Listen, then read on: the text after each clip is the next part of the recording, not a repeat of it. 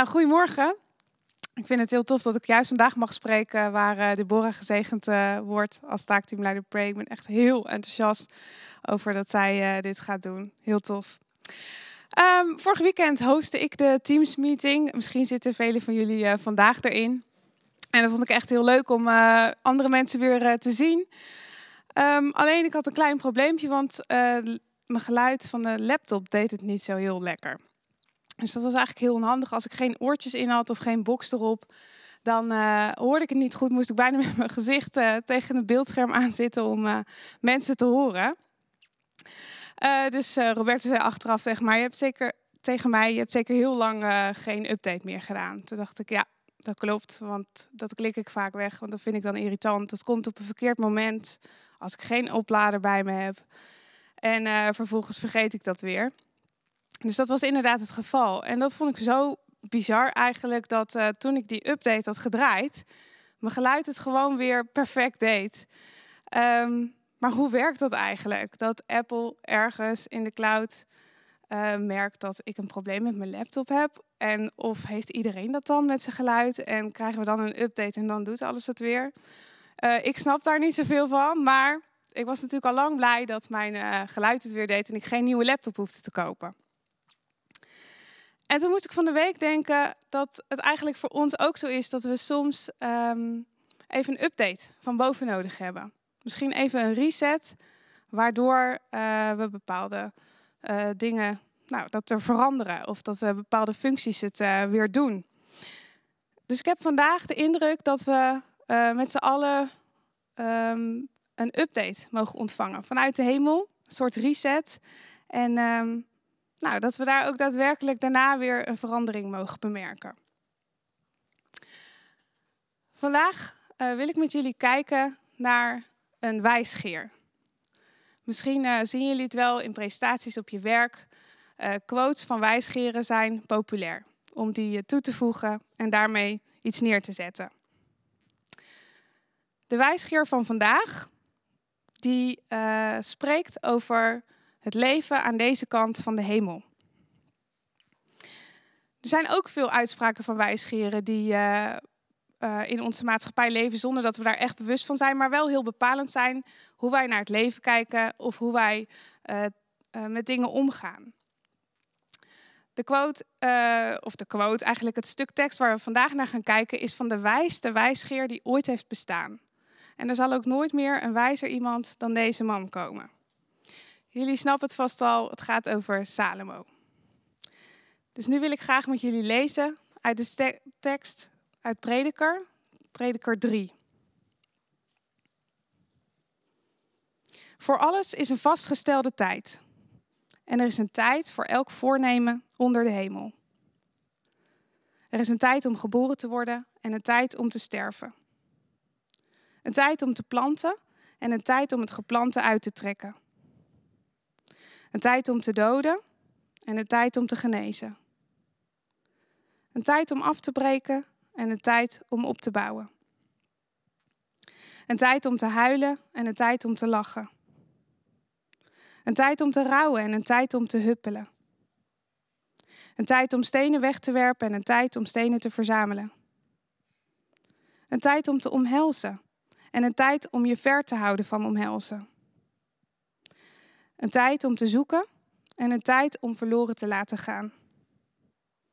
Een tijd om te bewaren en een tijd om weg te werpen. Een tijd om stuk te scheuren en een tijd om dicht te naaien. Een tijd om te zwijgen en een tijd om te spreken. Een tijd om lief te hebben en een tijd om te haten. Een tijd van oorlog en een tijd van vrede. Prediker 3. Er is een tijd om. Wat voor tijd is het eigenlijk? Voordat we daar verder op ingaan, wat voor tijd het voor jou is of wat voor tijd het voor ons samen is, wil ik drie dingen uit deze tekst uitlichten. En het eerste is dat het goed is om de context te bezien. Want deze tekst spreekt over het leven aan deze kant van de hemel. Niet over ons hele leven dus. Niet over het leven in het koninkrijk, maar het leven aan deze kant van de hemel. In het eerste vers staat: Voor alles is een vastgestelde tijd. En alle dingen die daaronder genoemd worden, de mooie, maar ook de minder mooie dingen, die hebben daarin een plek in ons leven hier op aarde.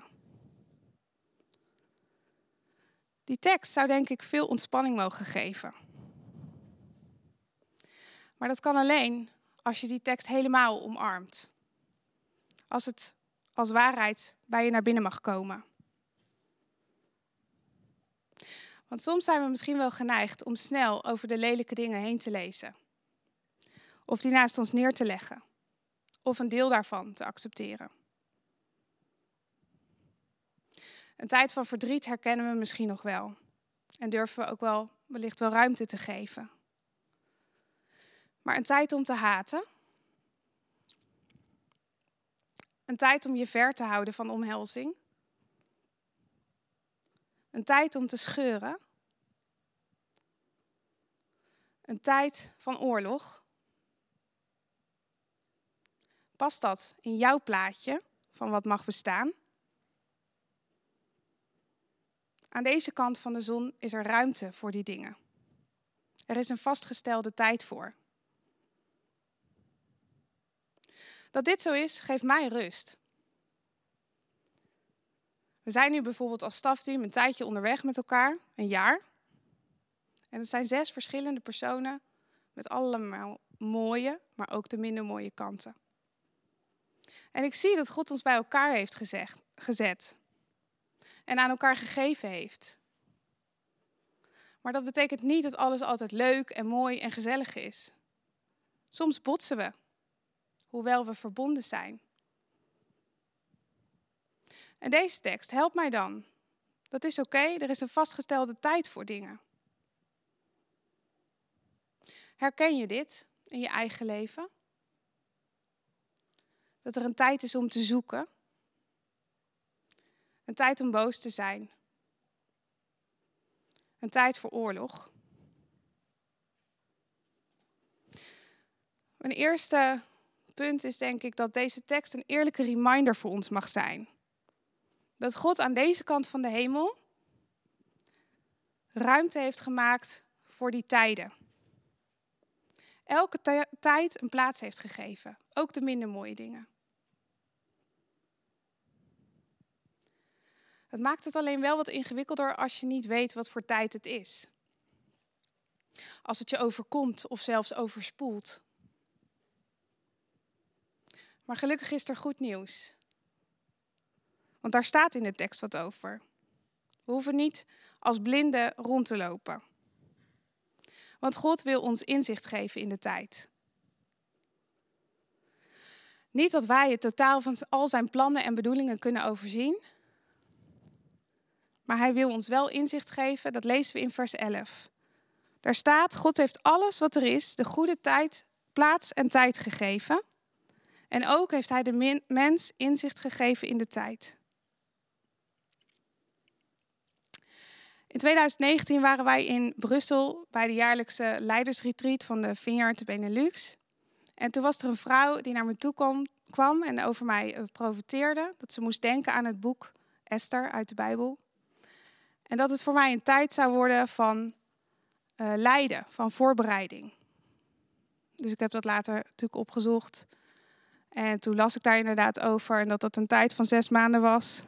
Dus toen dacht ik, nou ja, goed.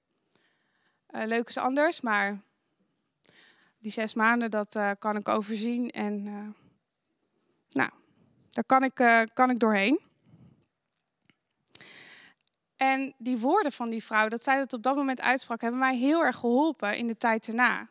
Want ook toen het langer duurde bij mij dan die zes maanden, ik had waarschijnlijk iets meer tijd nodig dan Esther, kon ik me vasthouden aan haar woorden. Dat God die tijd had vastgesteld. Dat het voor mij een tijd was van lijden, een tijd die niet makkelijk was, waarin God schuurde en schaafde.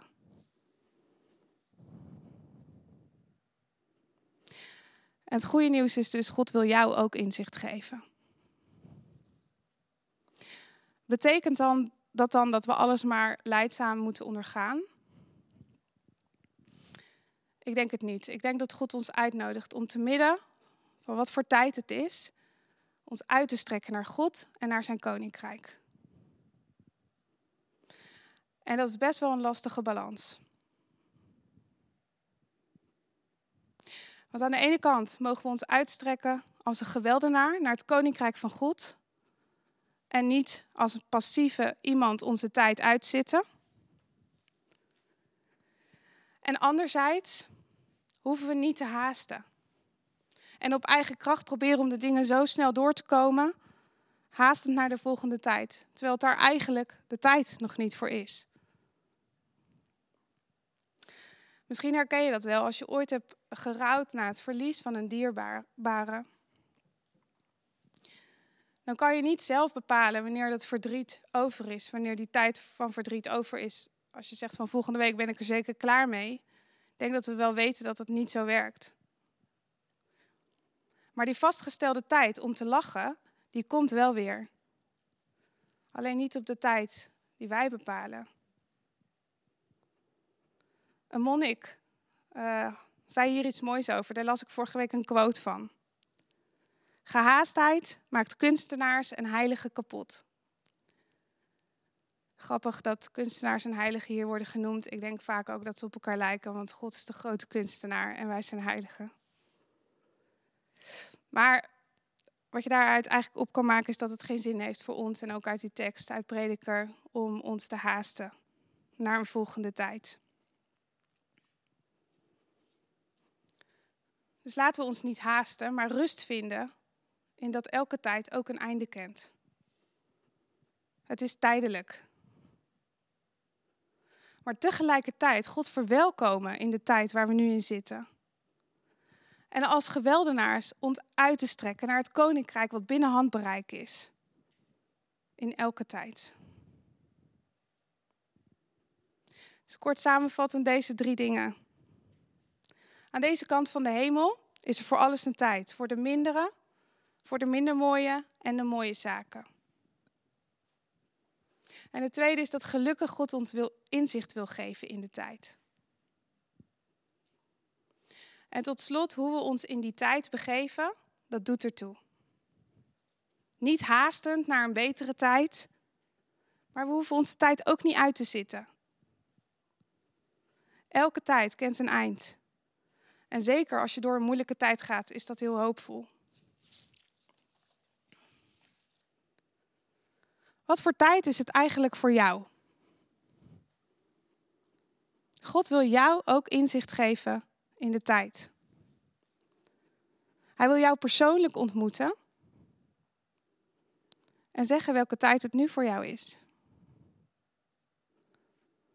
En dat inzicht kan je rust geven en je helpen om je te verhouden tot die tijd. Ik wil nu graag een moment van stilte inlassen, waarin een ieder luistert naar God, of zich openstelt om van Hem te ontvangen. En dan ga ik de tekst uit Prediker 3 nog een keer voorlezen. En dan wil ik je vragen om je ogen te sluiten en te luisteren naar wat God tegen jou wil zeggen over de tijd. En als het je helpt, doe dan even de camera van je teams uit als je daardoor beter kan focussen. En misschien is er wel een van de woorden uit de tekst die God tot jou spreekt, die oplichten voor je, over jouw tijd. Maar misschien heeft God ook wel een ander woord voor jou wat niet in deze tekst staat, maar wel jouw tijd beschrijft. Dus ik ga de tekst lezen en dan zijn we een paar minuten stil en geven we God de ruimte om over onze tijd te spreken. En daarna zullen we die woorden zegenen. Er is een tijd om te baren en een tijd om te sterven. Een tijd om te planten en een tijd om te rooien. Er is een tijd om te doden en een tijd om te helen. Een tijd om af te breken en een tijd om op te bouwen. Er is een tijd om te huilen en een tijd om te lachen. Een tijd om te rouwen en een tijd om te dansen. Er is een tijd om te ontvlammen en een tijd om te verkillen. Een tijd om te omhelzen en een tijd om af te weren. Er is een tijd om te zoeken en een tijd om te verliezen. Een tijd om te bewaren en een tijd om weg te gooien. Er is een tijd om te scheuren en een tijd om te herstellen. Een tijd om te zwijgen en een tijd om te spreken. Er is een tijd om lief te hebben en een tijd om te haten. Er is een tijd voor oorlog en er is een tijd voor vrede.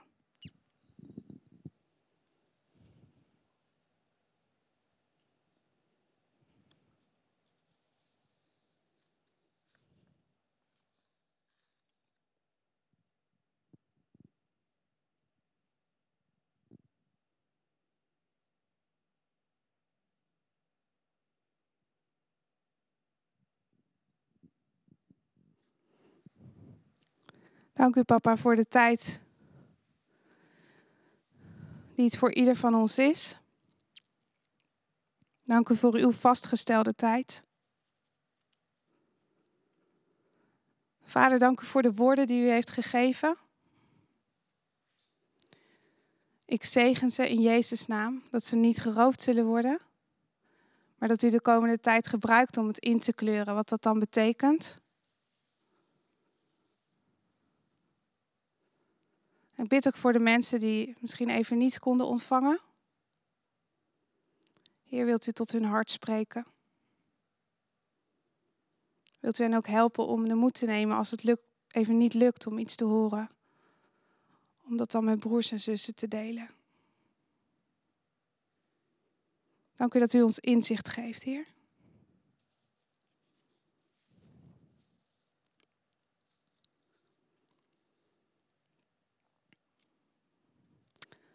Wat voor tijd is het voor Vineyard Utrecht? Ook voor ons als geheel is er een tijd. Het ontdekken van welke tijd het nu is voor ons als Vineyard Utrecht is nou bij uitstek iets waar het pre-team zich met God samen in begeeft. En naar zoekt. Iets wat we al een tijd geleden ontvingen als pre-team is dat God ons ziet als een lichaam. Waar we allemaal deels zijn. Of anders gezegd, als een gebouw. Waar we allemaal individueel kostbare bouwstenen zijn. Gebouwd op Jezus die de hoeksteen is. Of zoals je misschien hiervoor wel ziet, zoals deze deken waar we allemaal een vakje zijn. Samen zijn we een prachtige deken. Een deken die verwarmt als het nodig is. Een deken die de schoonheid van God laat zien. Deze deken is een langdurig proces van gebed van het team. Kunstig gemaakt door Inge. Een voorbereiding om in het geestelijke ruimte te scheppen voor iets wat in het natuurlijke mag gebeuren, waar we als gemeente in mogen stappen. Dus ik wil jullie wat vragen. Het vraagt iets van je voorstellingsvermogen. Probeer jezelf in te denken dat je een vakje bent in het geheel, zoals je hier ziet, zo'n zeshoekje. Jij hebt je eigen kleur. En je bent verbonden met anderen. Hier zitten allemaal verbindingen in met een ander vakje. Stel nou dat dit blauwe vakje hier er niet zou zijn. Dan zouden we een gat hebben in de deken. Dan mist er dus een belangrijk uh, stuk in het geheel. Wat ook gelijk opvalt. Want er zit een gat in en daar komt toch doorheen. Dus zo verwarmend is het dan niet. En de schoonheid is gelijk een stuk minder. Stel dat jij dit bent. dit is een klein zeshoekje. Stel je voor dat dit jouw plek is. En dit is de plek die jij inneemt als dat witte zeshoekje.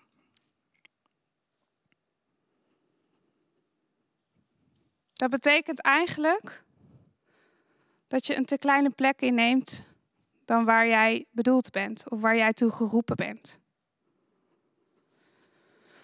Dat betekent dus ook dat hier een gat omheen zou zitten. En dat je op die plekken dus ook niet verbonden bent met die aangrenzende zes hoekjes. Het is, vraagt even wat uh, voorstellingsvermogen van jullie, maar stel dat dat zo is, dat jij dat bent, dat het over jou gaat. Dan zien we dus dat gat, als je niet helemaal je plek inneemt. Maar hoe zou het voor die zes hoekjes daaromheen voelen ook? Die zijn daar niet verbonden. Misschien voelt dat wel heel alleen. Of wankel. Of stel dat jij dit zeshoekje bent. Gaan we er weer even opleggen. En je neemt deze plek in. Zoals je ziet, ga je over de zeshoekjes van anderen heen. We zien eigenlijk niks, een deel van de kleur van de omliggende zeshoekjes zien we niet meer. Er is ook niet echte verbinding. Wat jammer dat je over die vakjes van de anderen heen gaat. Eigenlijk beneem je daarmee de kans van een ander om zijn of haar plek helemaal in te nemen. En ook die variant doet afbreuk aan het geheel. Een deel van de kleur van de ander is niet zichtbaar.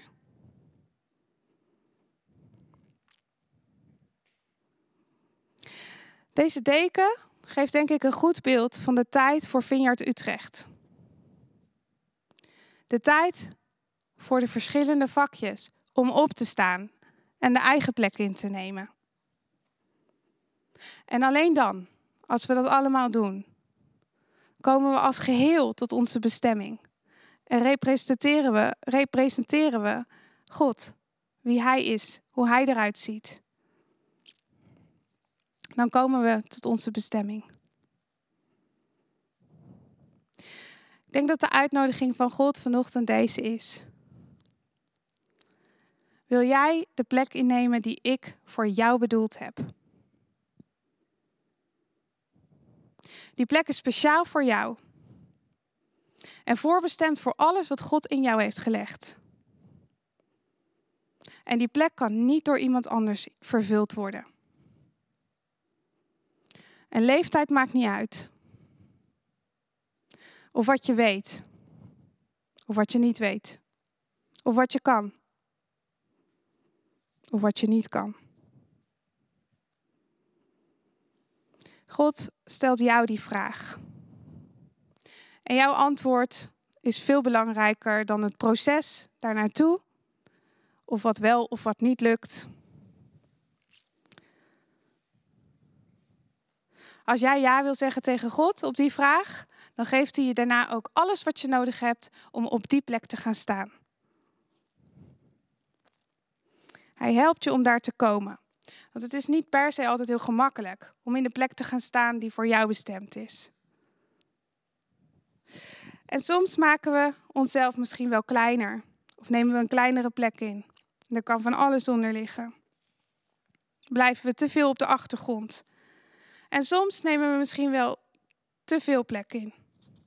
En benemen daarmee iemand anders de ruimte. Maar God kan daar allemaal doorheen komen met zijn kracht. Deborah, mag ik jou vragen om iets te delen over jouw proces en jouw ervaring, over het innemen van jouw plek?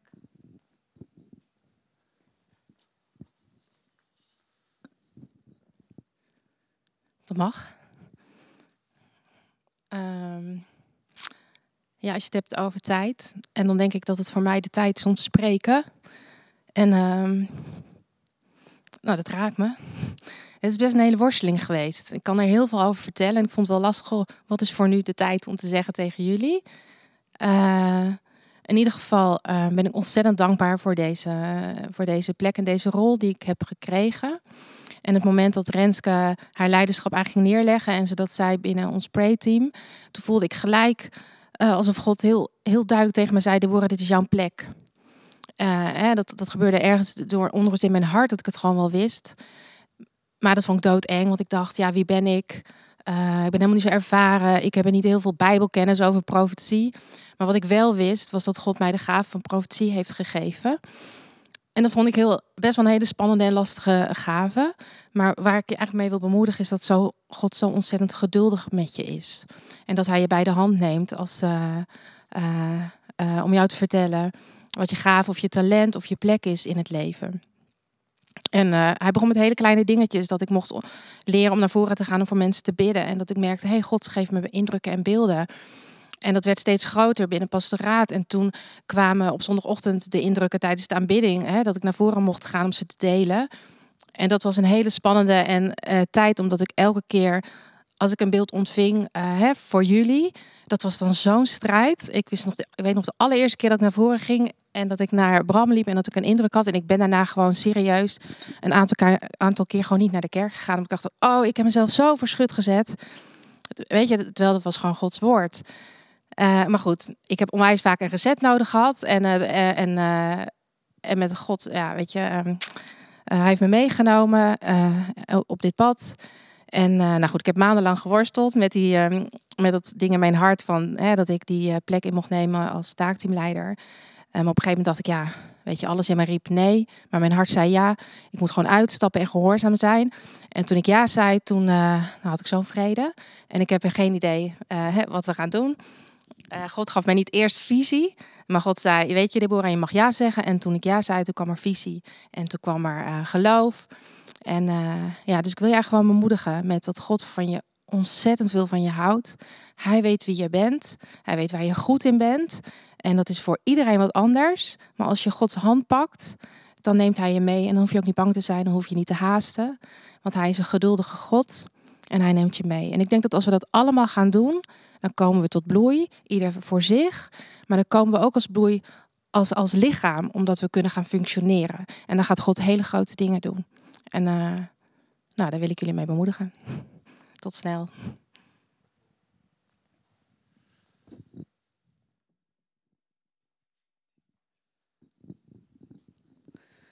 Ja, dat is toch een fantastische story. Uh, en tegelijkertijd, ik heb ernaast gestaan en ik weet hoe moeilijk het is.